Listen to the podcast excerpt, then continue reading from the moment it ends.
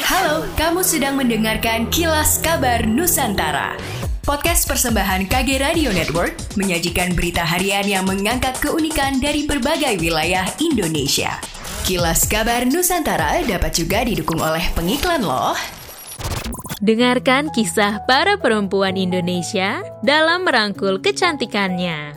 Mulai dari pengalaman pertama kali berhijab, penyintas bullying dan beauty shaming, hingga para pejuang jerawat. Persembahan Stelo Indonesia dan KG Media tayang setiap hari Kamis hanya di podcast Semua Bisa Cantik.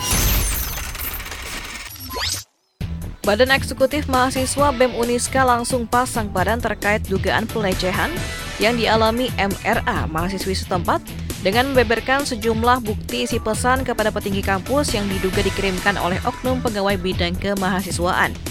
Ketua BEM Uniska Zikri Nur Abadi mengakui pihak rektorat meminta korban untuk melaporkan langsung kejadian yang dialaminya. Namun menurutnya korban wajib dilindungi sehingga pihaknya hanya mengirimkan perwakilan dari Kementerian Pemberdayaan Perempuan BEM Uniska untuk menjadi saksi.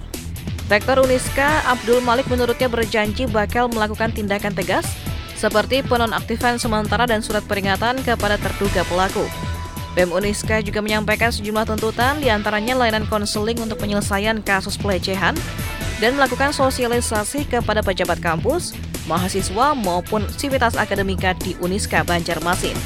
Mantan Kepala Cabang Bank Mandiri Panakukang Makassar Muhammad Ardi membeberkan fakta terkait adanya sejumlah transaksi yang dilakukannya atas arahan Nurdin Abdullah. Hal itu disampaikan Ardi saat menjadi saksi dalam sidang lanjutan kasus suap dan gratifikasi atas terdakwa Nurdin Abdullah dan Edi Rahmat yang digelar di Pengadilan Negeri Makassar. Ardi mengakui pada Minggu 20 Desember 2020, Nurdin Abdullah pernah menghubunginya melalui pesan WhatsApp untuk menukar uang pecahan baru. Nurdin mengatakan uang tersebut akan digunakan untuk sedekah. Sesuai kesepakatannya dengan Nurdin, Ardi menyanggupi penukaran uang baru senilai 400 juta. Nurdin kemudian mengutus pengawal pribadinya Salman untuk mengantar uang yang akan ditukar. Salman kemudian datang ke kantor Bank Mandiri Panakukang membawa koper berisi uang 2 miliar. Ardi menyebut penukaran uang nyatanya dilakukan sebanyak dua kali dengan nilai nominal 800 juta, sehingga uang yang tersisa menjadi 1,2 miliar. Nurdin lantas menyuruh putranya Uji untuk mengurus sisa uang tersebut. Dari kesaksian tersebut, JPU KPK Muhammad Asri Irwan menyimpulkan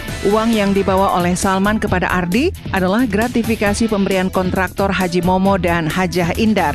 Diketahui kedua kontraktor tersebut sebelumnya dimintai uang operasional oleh Nurdin Abdullah melalui Sari Pujiastuti, mantan Kepala Biro Pengadaan Barang dan Jasa Sulsel. Adapun sisa uang 1,2 miliar dibelanjakan jet ski serta mesin speedboat milik Eric Horas dan Muhammad Irham Samad. Jaksa Asri menambahkan sidang pemanggilan saksi telah memasuki tahap akhir. Pihaknya kini sisa melengkapi bukti dan fakta persidangan untuk nantinya memasuki pemeriksaan para terdakwa.